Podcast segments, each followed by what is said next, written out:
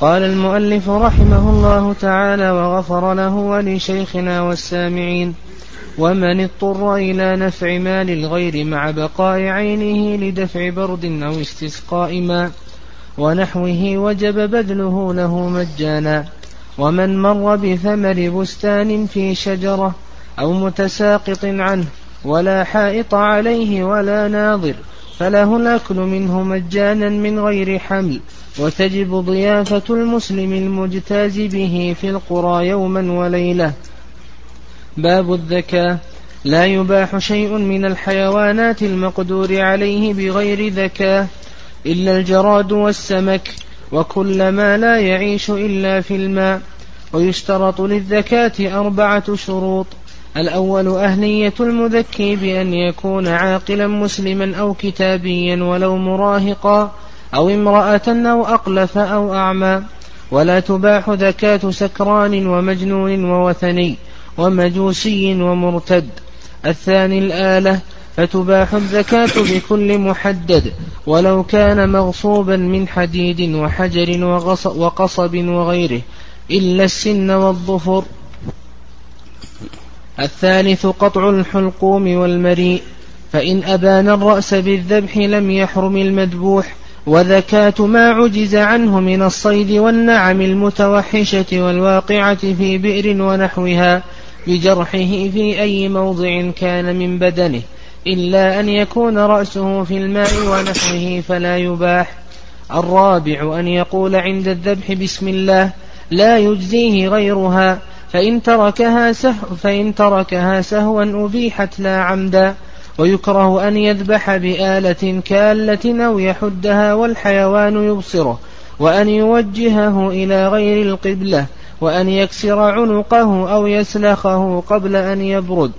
تقدم لنا شيء من أحكام الأطعمة وذكرنا من ذلك الأصل في الأطعمة وأن الأصل فيها الحل.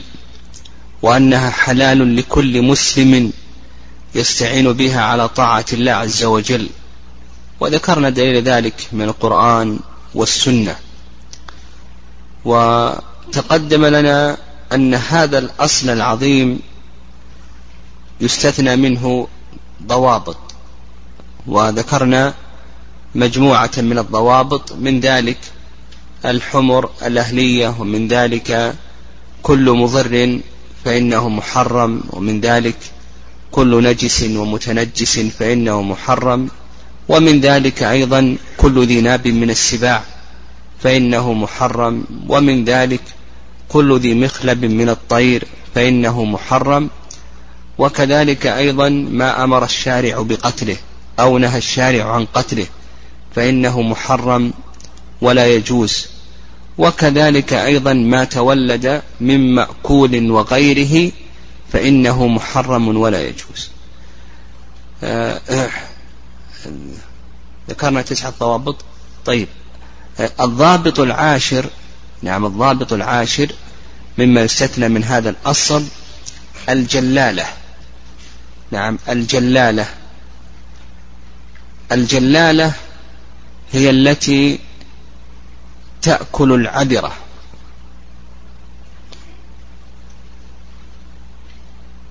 وقد جاء في حديث ابن عمر في السنن أن النبي صلى الله عليه وسلم نهى عن أكل الجلالة وعن ألبانها. وكذلك أيضا جاء في حديث عبد الله بن عمرو رضي الله تعالى عنهما أن النبي صلى الله عليه وسلم نهى عن أكل الجلالة. فالجلالة التي تأكل العذرة هذه نهى عنها النبي صلى الله عليه وسلم. ومتى تباح الجلالة؟ يعني متى تباح الجلالة؟ اختلف العلماء رحمه الله في ذلك على ثلاثة الرأي الأول أنها لا تباح حتى تحبس وتطعم الطاهرة ثلاثة أيام. وهذا هو المشهور من مذهب الإمام أحمد رحمه الله أنها لا تباح حتى تحبس وتطعم الطاهر ثلاثة أيام. وهذا هو المشهور من مذهب الإمام أحمد رحمه الله تعالى. قالوا لورود ذلك عن ابن عمر رضي الله تعالى عنهما. وعند الحنفية والشافعية أنه ليس لذلك حد بل تحبس حتى يظن زوال النجاسة. نعم تحبس حتى تطيب ويظن زوال النجاسة. نعم. والرأي الثالث وهو رواية عن الإمام أحمد رحمه الله أنها إن كانت من الطيور كالدجاج ونحو ذلك فإنها تحبس ثلاثة أيام. وإن كانت من البقر والإبل فإنها تحبس أربعين يوما. يعني تحبس أربعين يوما مع طعامها الطاهر. والذي يظهر والله أعلم هو ما ذهب إليه الحنفية والشافعية وأن الجلالة نعم أن الجلالة تحبس حتى يظن أنها طابت وزال عنها أثر النجاسة. فإذا طابت وزال عنها أو ظن أن أثر النجاسة قد زال فإنها تكون حلالا. طيب وهل كل جلالة تحرم؟ أو نقول بأنه ليس جميع الجلالات تحرم. في هذا موضع خلاف بين العلماء رحمه الله.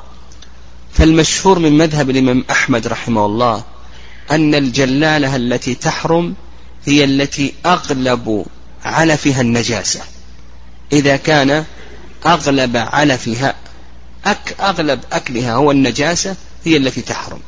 أما ما عداها فإنها لا تحرم. الرأي الثاني أن الجلالة التي تحرم هي التي يظهر لأثر النجاسة أو نقول يظهر أثر النجاسة في لحمها ولبنها يعني في طعم اللحم في رائحة اللحم في آه، الحليب ونحو ذلك. إذا ظهر أثر النجاسة في لحمها ولبنها نقول بأنها لا تجوز. أما إذا لم يظهر أثر النجاسة فعندنا قاعدة وهي ها؟ أن النجاسة تطهر بالاستحالة صح. وأن هذه النجاسات الآن استحالت إلى دم ولحم ونحو ذلك إلى آخره. فالذي يظهر والله أعلم أننا نقول بأننا ننظر إلى أثر النجاسة فإن فإن ظهر أثر النجاسة في لحمها ولبنها ونحو ذلك في الرائحة والطعم في العرق فنقول بأن هذا لا يجوز. وإن لم يظهر بل استهلكت واستحالت هذه النجاسة فنقول بأن ذلك حلال. ويأتينا يأتينا الآن ما يتعلق بالدواجن الآن. الدواجن التي آه تربى الآن مزارع الدواجن الآن بالملايين الآن. وهذه الدواجن تطعم الميتات. لأن هناك هناك يعني تطعم أعلاف تطعم حبوب وأيضا تطعم الدم. هذا الدم الذي يذبحونه الدم عند ذبح هذه الدواجن يجمع هذا الدم ويعاد تكريره ومثل أيضا ما يموت من هذه الدواجن أو ما يقطع من أطرافها إلى آخره. يعاد تكرير مثل هذه الأشياء وتكون أعلافا لمثل هذه الدواجن. فهل نقول بأن هذه الدواجن هل نقول بأنها محرمة أو ليست محرمة؟ يأتينا على الخلاف. فالمشهور من مذهب الإمام أحمد أنها لا تكون جلالة إلا إذا كان أغلب علفها النجاسة. وأصحاب الدواجن الآن لهم نسبة. يعني يضعون بالنسبة لمثل هذه الأشياء يخلطونها مع أطعمة آه هذه الدواجن بنسبة. هل يظهر والله أعلم أن هذه النسبة لا تتجاوز 30% وعلى هذا على المذهب لا تكون هذه من قبيل الجلالة لأن المذهب أنها لا تكون جلالة إلا إذا كان أغلب طعامها النجاسة.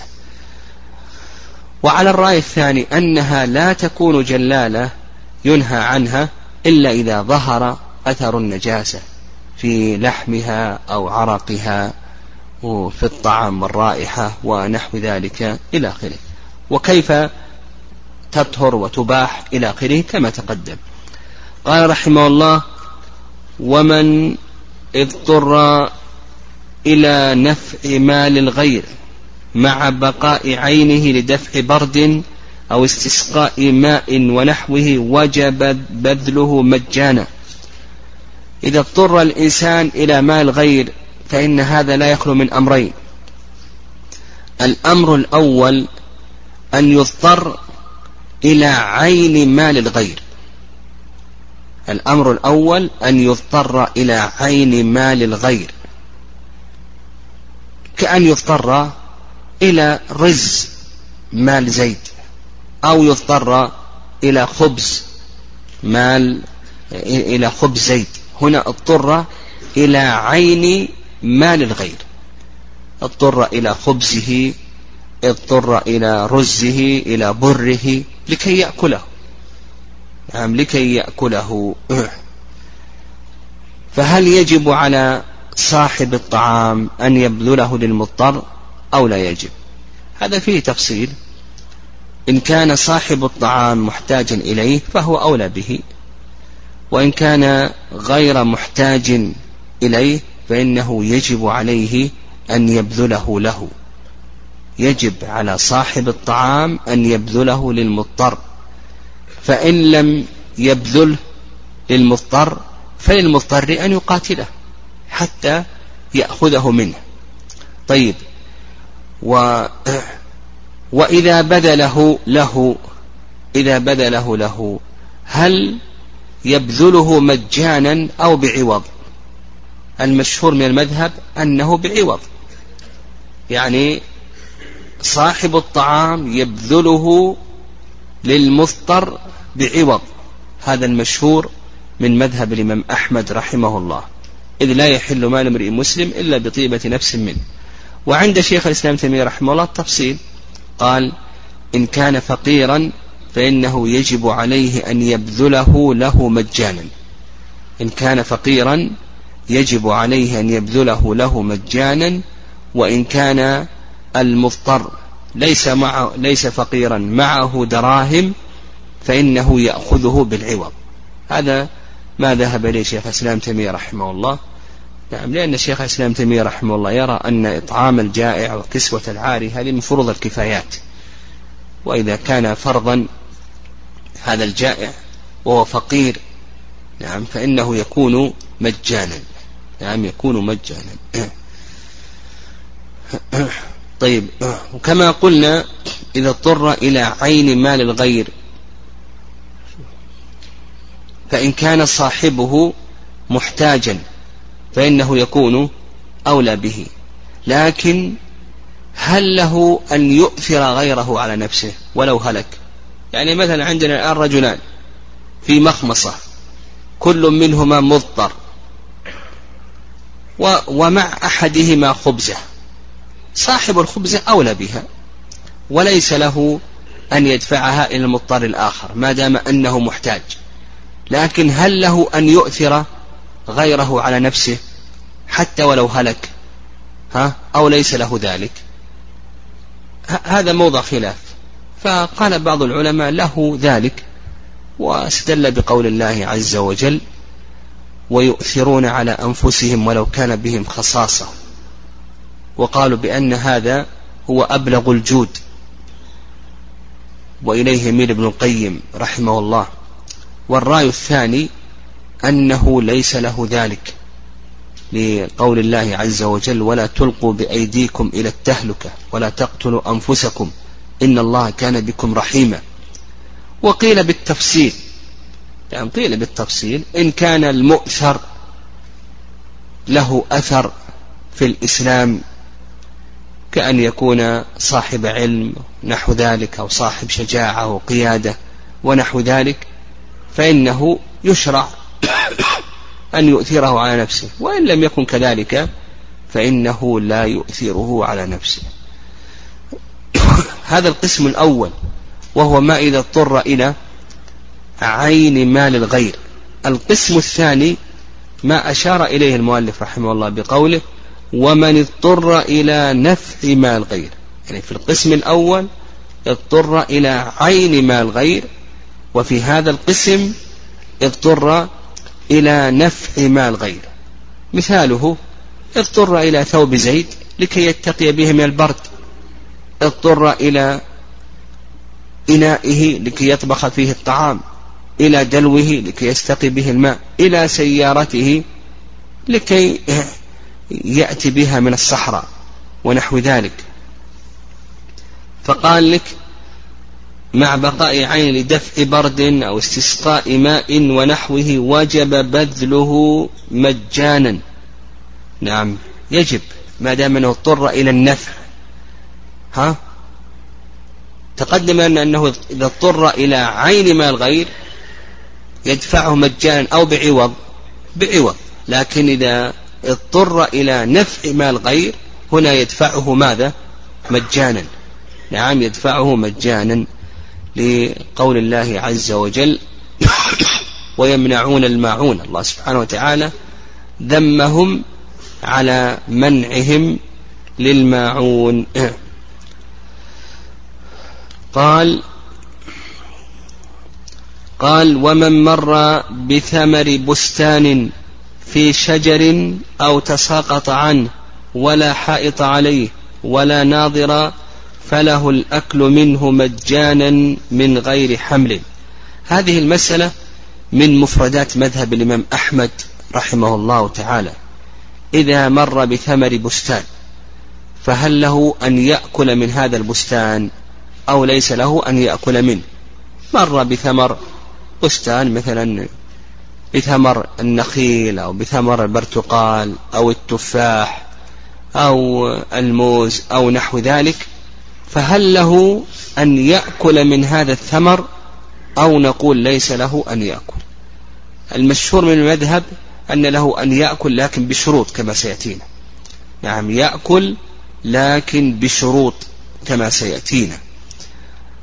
الرأي الثاني واستدلوا على ذلك نعم استدلوا على ذلك بأن هذا هو الوارد عن الصحابة رضي الله تعالى عنهم عن جمع من الصحابة عمر وابن عباس وأنس. نعم عمر بن عباس وأنس وكذلك أيضا ابن عمر رضي الله تعالى عنهم. نعم أبي سعيد.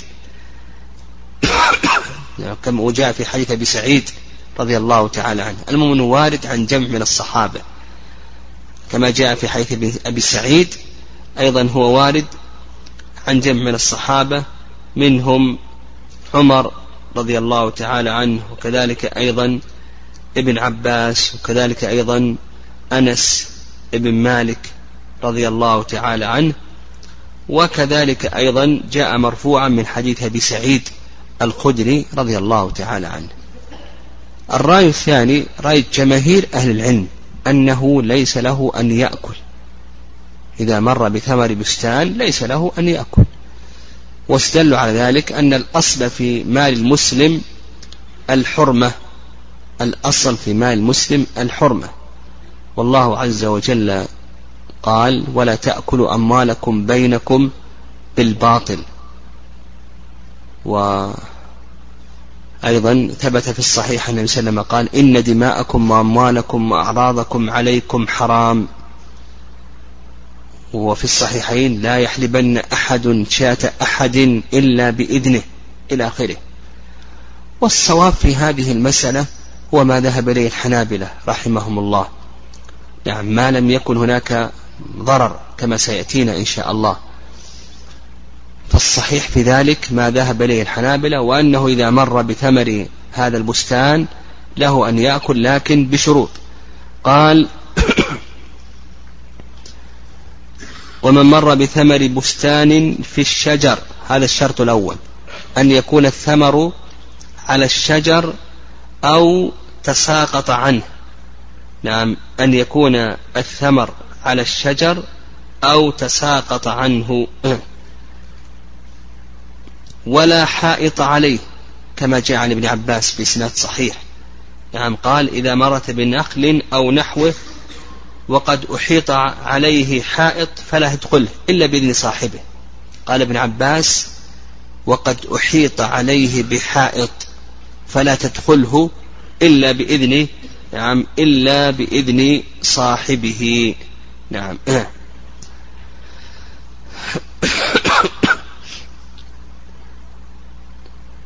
فالشرط الثاني نعم ماذا؟ ألا يكون عليه حائط ولا ناظر. الشرط الأول أن يكون الثمر على الشجر أو تساقط. الشرط الثاني ألا يكون هناك حائط ها ولا ناظر كما جاء عن ابن عباس رضي الله تعالى عنهما. قال من غير حمل. هذا الشرط الثالث.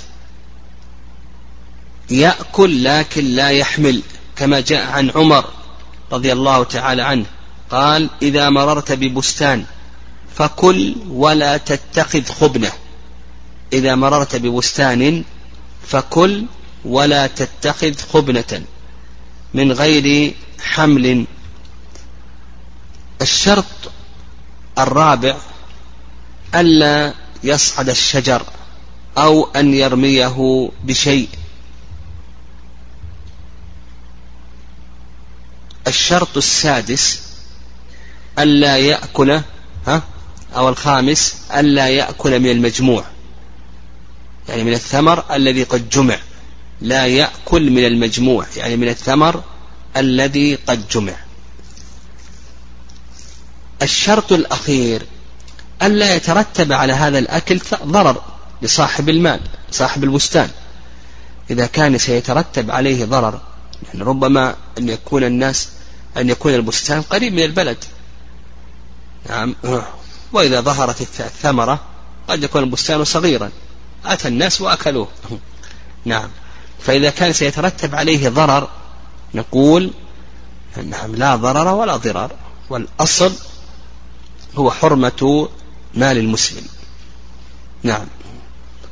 قال رحمه الله تعالى وقد جاء في حيث أبي سعيد نعم. في سنن أبي داود والترمذي وإن كان نعم فيه ضعف يعني من رواية الحسن. نعم كان فيه ضعف. نعم إذا أتيت حائط بستان فنادي صاحب البستان فإن أجابك وإلا فقل. إذا أتيت حائط بستان فنادي صاحب البستان فإن أجابك وإلا فقل. قال رحمه الله وتجب ضيافة المسلم المجتاز في القرى يوما وليلة. هذه المسألة أيضا من مفردات المذهب يعني من مفردات مذهب الحنابلة. حكم ضيافة المسلم هل هي واجبة أو ليست واجبة؟ المشهور من مذهب الإمام أحمد رحمه الله أنها واجبة وأنه يجب على المسلم أن يضيف أخاه المسلم لكن بشروط كما سيأتينا. وعند أكثر أهل العلم أن هذه الضيافة ليست واجبة. ودليلهم على ذلك على عدم الوجوب أن الأصل في مال المسلم الحرمة والعصمة فلا نوجب شيئا في ماله. يعني الأصل في ماله الحرمة وعدم الوجوب. لكن الحنابلة الذين استدلوا ب الذين قالوا بالوجوب استدلوا على ذلك بقول النبي صلى الله عليه وسلم من كان يؤمن بالله واليوم الآخر فليكرم ضيفه جائزته. قالوا وما جائزته يا رسول الله؟ قال يومه وليلته. خرجاه في الصحيحين. وأيضا حديث عقبة بن عامر رضي الله تعالى عنه في الصحيحين. إذا أمروا لكم بحق الضيف وإلا فخذوا منهم حق الضيف. قال إذا أمروا لكم بحق الضيف الذي ينبغي له وإلا فخذوا منهم حق الضيف. نعم رخص النبي سلم نعم إذا ما أضافوا وظفرت بشيء من مالهم أن تأخذ مقدار الضيافة. مما يدل على أن الضيافة ماذا؟ أنها واجبة. نعم. مما يدل على أن الضيافة واجبة. وجاء أيضا في سنن أبي داود وابن ماجه أن النبي صلى الله عليه وسلم قال ليلة الضيف حق واجب. يعني في سنن أبي داود وابن ماجه وأيضا مسند أحمد أن النبي صلى الله عليه وسلم قال ليلة الضيف حق واجب. فقال حق واجب. هذا ظاهر في أي شيء في الوجوب. طيب الحنابلة قالوا بأنها واجبة. هذا الوجوب يشترط له شروط. قال لك المسلم هذا الشرط الأول. الشرط الأول أن يكون مسلما وعلى هذا الكافر لا تجب ضيافته وإنما تستحب ضيافته. ولهذا أسمى رضي الله تعالى عنها لما ذكرت للنبي صلى الله عليه وسلم أن أمها جاءتها وهي راغبة مشركة. أفتصلها؟ قال عليه وسلم صليها. نعم مما يدل على أن ضيافة المشرك أنها مشروعة. يعني أنها مشروعة. قال المجتاز ضيافة المسلم المجتاز به في القرى. هذا الشرط الشرط الثاني أن يكون هذا الضيف مجتازا يعني مارا. أما إذا جاء وأقام في البلد نعم جاء وأقام في البلد إلى آخره فإنه لا تجب ضيافته. لكن إذا كان مار هنا تجب الضيافة. قال في القرى هذا الشرط الثالث. وعلى هذا إذا كان في الأمصار في المدن ما تجب الضيافة لماذا؟ قال لأن المدن المدن تكثر فيها أماكن المسافرين. نعم أماكن المسافرين تكثر فيها التي يلجأ إليها المسافرون إلى آخره. فلا تجب الضيافة. نعم وإن في الأمصار وإنما تجب الضيافة في أي شيء؟ في القرى. والصحيح أنه لا فرق لعموم الأدلة. نعم لعموم الأدلة. طيب هذه الشروط. قال يوما وليلة. هذا قدر الضيافة الواجبة. نعم قدر الضيافة الواجبة يوما وليلة. والسنة ثلاثة أيام.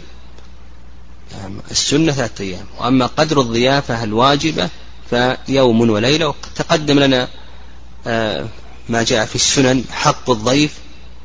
نعم آه، نعم ليلة الضيف حق واجب. نعم ليلة الضيف حق واجب. نعم. وأيضا تقدم لنا حيث الصحيحين آه، النبي صلى الله عليه وسلم قال من كان يؤمن بالله واليوم الآخر فليكرم ضيفه جائزته. قالوا وما جائزته يا رسول الله؟ قال يومه وليلته.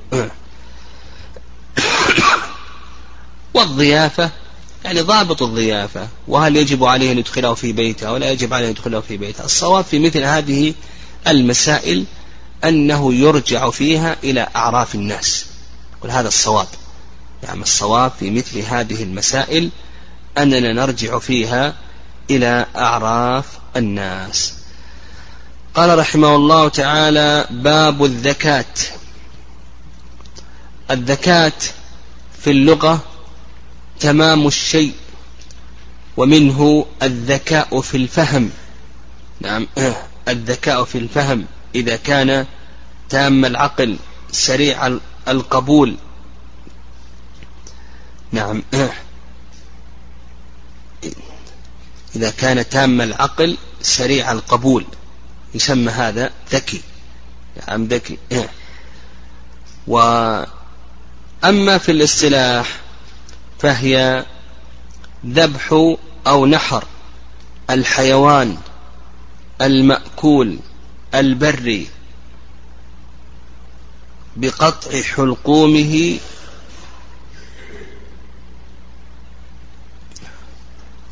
نعم نعم نقول نحر أو ذبح الحيوان المأكول البري المقدور عليه. المقدور عليه. بقطع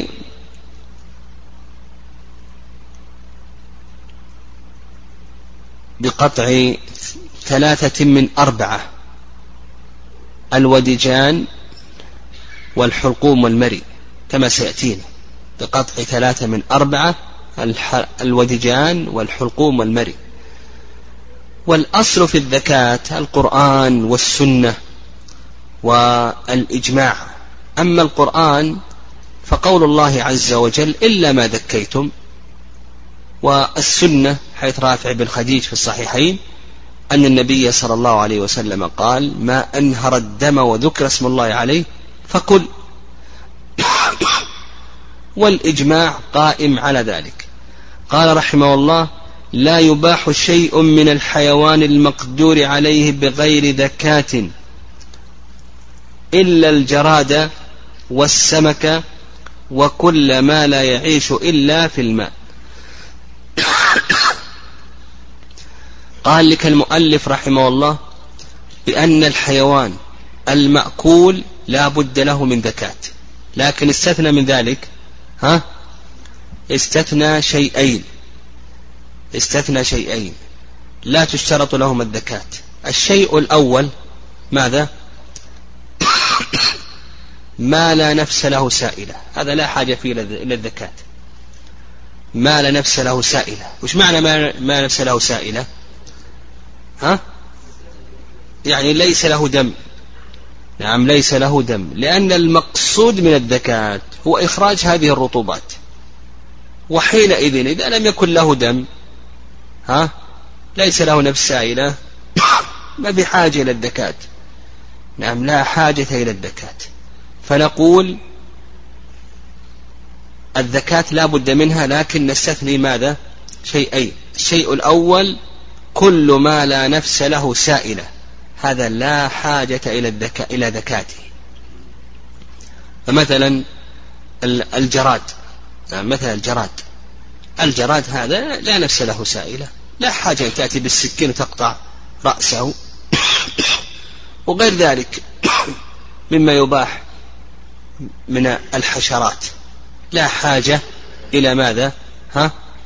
لا حاجة إلى الذكاة فنقول الأمر الأول مما يستثنى كل ما لا نفس له سائلة.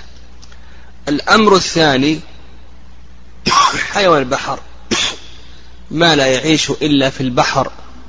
هذا لا حاجة إلى ذكاته تقدم لنا حيث أبي هريرة أن النبي صلى الله عليه وسلم قال الحل ميتته.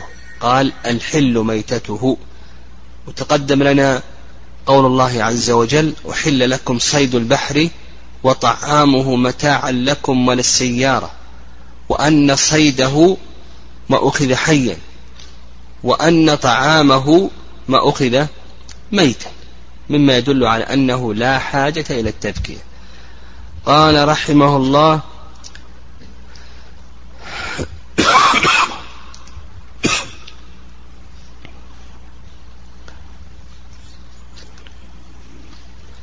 ويشترط للذكاة أربعة شروط أهلية المذكي بأن يكون عاقلا مسلما أو كتابيا.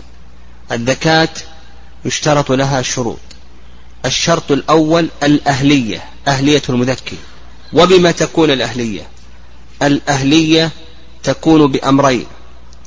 الأمر الأول العقل والأمر الثاني الدين. يعني الأمر الأول العقل والأمر الثاني الدين. فنشترط هذين الشرطين العقل والدين. وعلى هذا إذا انتفى العقل لم تحل الذكاة كذلك أيضا إذا انتفى الدين لم تحل الذكاة كما سيأتينا. قال أهلية المذكي بأن يكون عاقلا. نعم بأن يكون عاقلا مسلما أو كتابيا.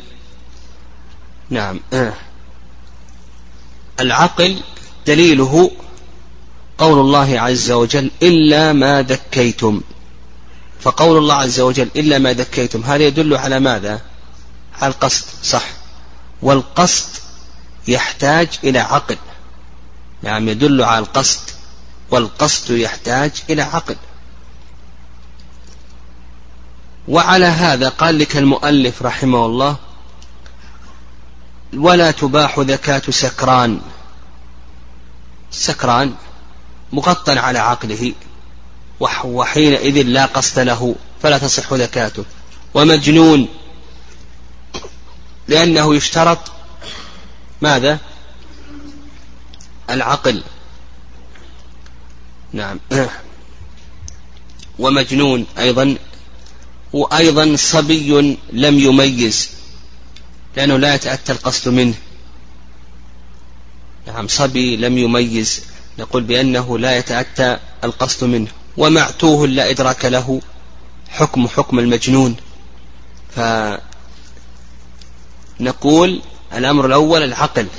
نعم العقل. وعلى هذا السكران والمجنون كما تقدم والمغمى عليه. والصبي الذي لم يميز. كل هؤلاء ذكاتهم غير صحيحة. نعم. وهذا يعني هذا ما ذهب إليه المؤلف رحمه الله تعالى وهو قول جمهور أهل العلم خلافا للشافعية فإن الشافعية لا يشترطون العقل. والصواب ما ذهب إليه جمهور أهل العلم رحمهم الله. قال رحمه الله تعالى مسلما أو كتابيا ولو مراهقا أو امرأة أو أقلف أو أعمى. قلنا مما يعتبر للأهلية قلنا أولا العقل وثانيا الدين. ما المراد بالدين؟ المراد بالدين أمران إما الإسلام أو إما أن يكون مسلما وإما أن يكون كتابيا. يهودي أو نصراني. هؤلاء هم اللي تباح ذبيحتهم. وعلى هذا لو ذكى المجوسي وش حكم ذكاته؟ ميتة.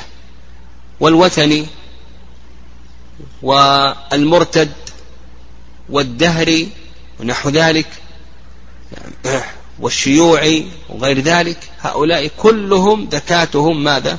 في حكم الميتة. لا بد أن يكون مسلما أو أن يكون كتابيا. المسلم بالإجماع. يعني المسلم بالإجماع. ويدل لذلك أيضا حديث عائشة رضي الله تعالى عنها أن النبي صلى الله عليه وسلم أنها قالت النبي صلى الله عليه وسلم إن قوما حديث عهد بكفر يأتون بلحم. لا ندري ذكر اسم الله عليها ولا. قال النبي صلى الله عليه وسلم سموا أنتم وكلوا. فأباح النبي صلى الله عليه وسلم ذبيحة ماذا؟ المسلم قال سموا أنتم وكلوا. أنتم لستم مسؤولين عن فعلهم أنتم مسؤولون عن فعلكم.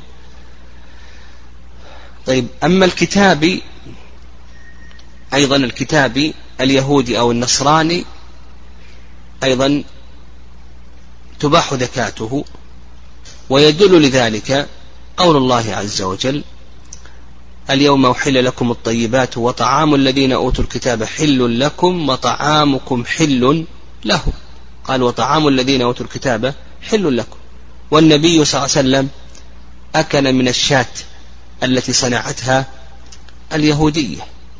نعم أكل من الشاة التي صنعتها اليهودية. طيب الكتاب يشترط لحل ذكاته شروط. يعني اشترط لحل ذكاته شروط. الشرط الأول أن يكون أبواه مس أن يكون أبواه كتابيين.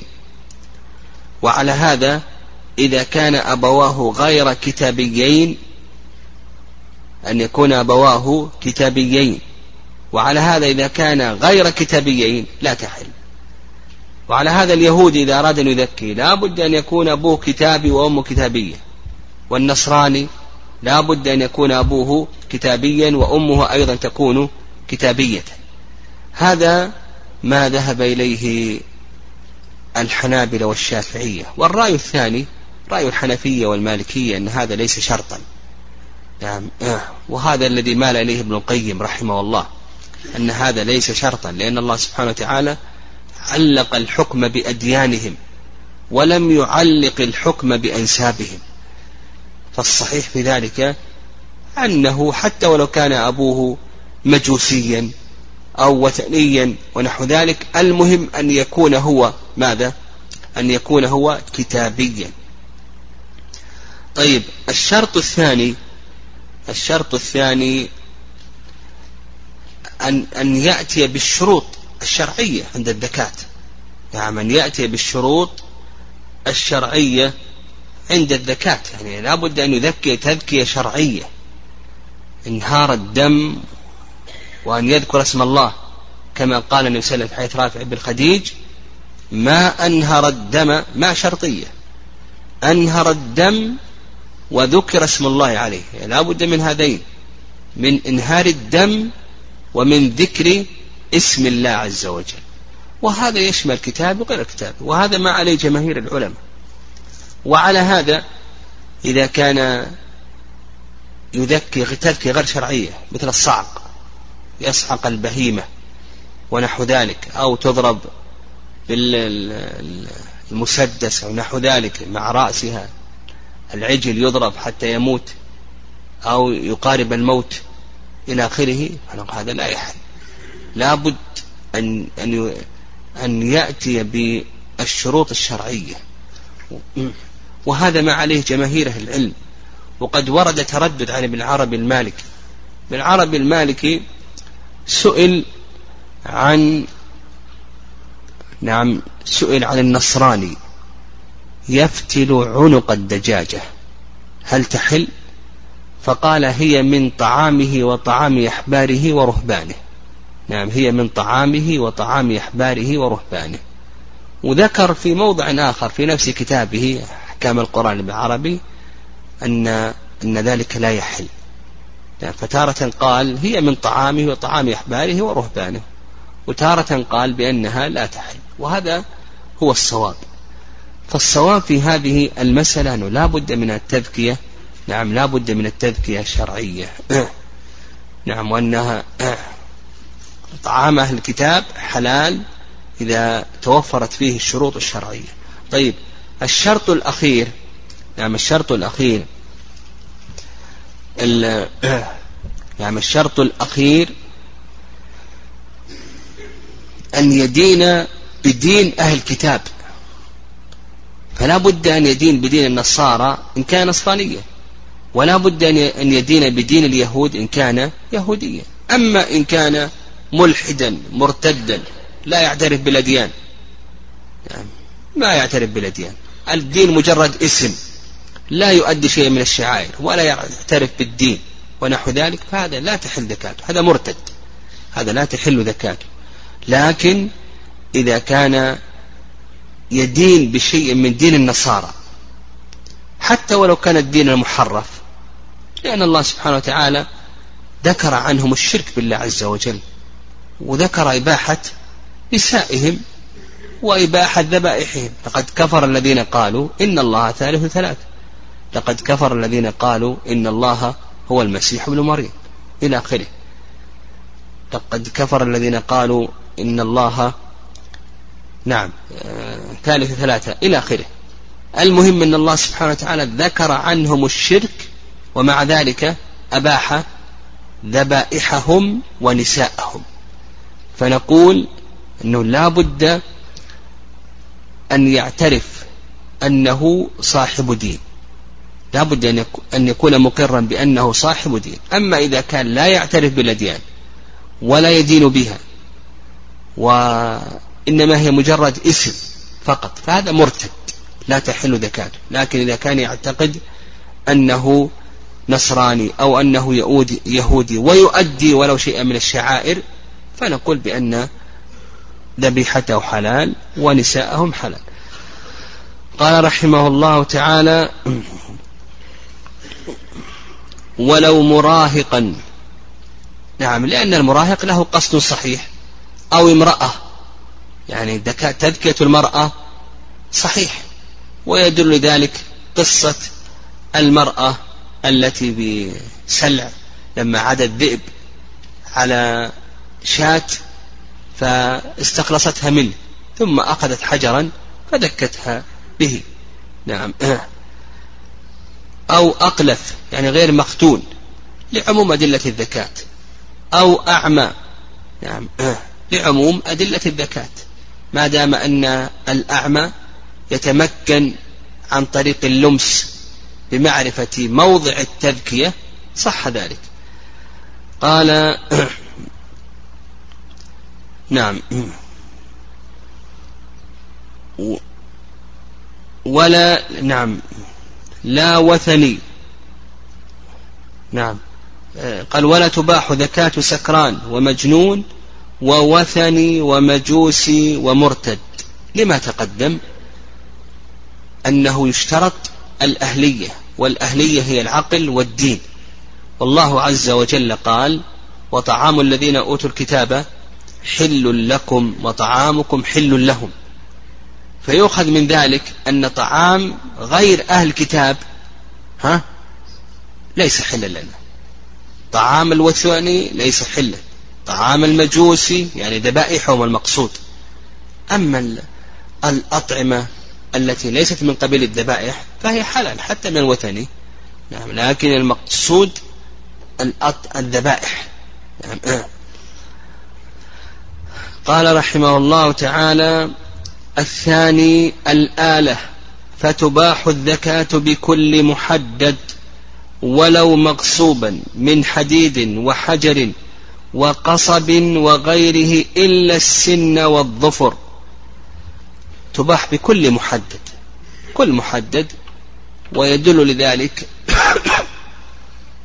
حديث رافع بن خديج رضي الله تعالى عنه أن النبي صلى الله عليه وسلم قال ما أنهر الدم فكل.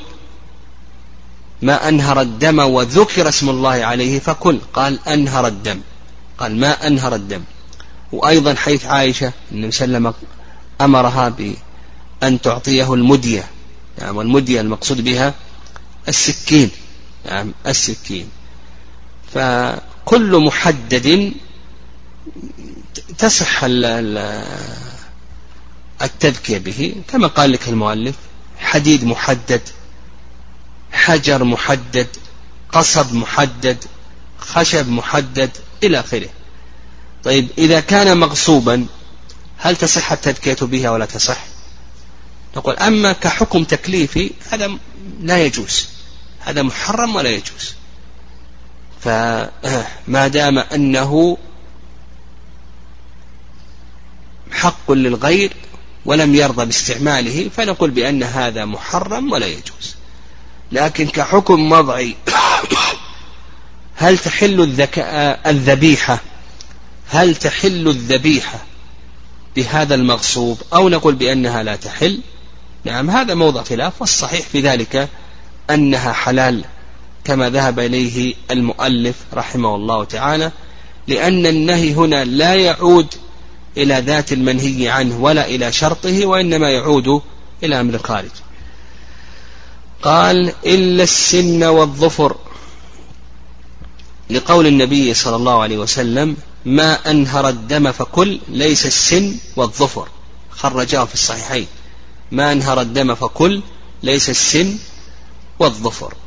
فالنبي صلى الله عليه وسلم استثنى شيئين الشيء الأول السن وعلل النبي صلى الله عليه وسلم. قال أما السن فعظم. أما السن فعظم. علل. قال وسأخبركم. أما السن فعظم. فيؤخذ من هذا ها أن كل أن التذكية بكل العظام لا تجوز. وظاهر كلام المؤلف رحمه الله قال إلا السن. وش يؤخذ من ذلك؟ ها أن السن فقط. نعم. يؤخذ من ذلك أن التذكية في السن هي التي حرام. يفهم من كلام المؤلف أن الذي يحرم هو التذكية في السن. أما التذكية ببقية العظام نعم أما التذكية ببقية العظام فإنها جائزة ولا بأس بها. نعم جائزة ولا بأس بها. هذا ظاهر كلام المؤلف رحمه الله. والرأي الثاني كما قلنا الرأي الثاني اختيار شيخ الإسلام تيمية رحمه الله. وأن أن التذكية بكل العظام وليس خاصا ذلك بالسن بل يشمل جميع العظام. التذكية بكل العظام لا تجوز. لأن النبي صلى الله عليه وسلم علل قال وأما السن فعظم فيشمل كل العظام. ويؤيده ماذا؟ أن النبي صلى الله عليه وسلم نهى أن يستجمر صح؟ أن يستجمر بالعظام. لماذا؟ لأن الاستجمار بالعظام هذا يؤدي إلى تلويثها بالنجاسة. تلويثها بالنجاسة. وأخبر النبي صلى الله عليه وسلم أن هذه العظام هي طعام إخوان من الجن يجدونها أوفر ما تكون لحما. فكذلك أيضا إذا ذكى بها سيؤدي إلى ماذا؟ تلويثها بأي شيء؟ بالنجاسة بالدم المسفوح. نعم بالدم المسفوح. فالخلاصة في ذلك أن النهي ليس خاصا بالسن كما هو ظاهر كلام المؤلف رحمه الله بل الصواب في ذلك نعم. وهذا هو المذهب. بل الصواب أن هذا شامل لكل العظام واختار شيخ الإسلام ومذهب الشافعي رحمه الله تعالى. نعم هو مذهب الشافعي رحمه الله. فالمذهب ومذهب أبي حنيفة أن هذا خاص بأي شيء؟ بالسن. بل إن, بل إن الحنفية يشترطون أن يكون السن متصلا. فإن كان منفصلا فإنه تصح التذكية به.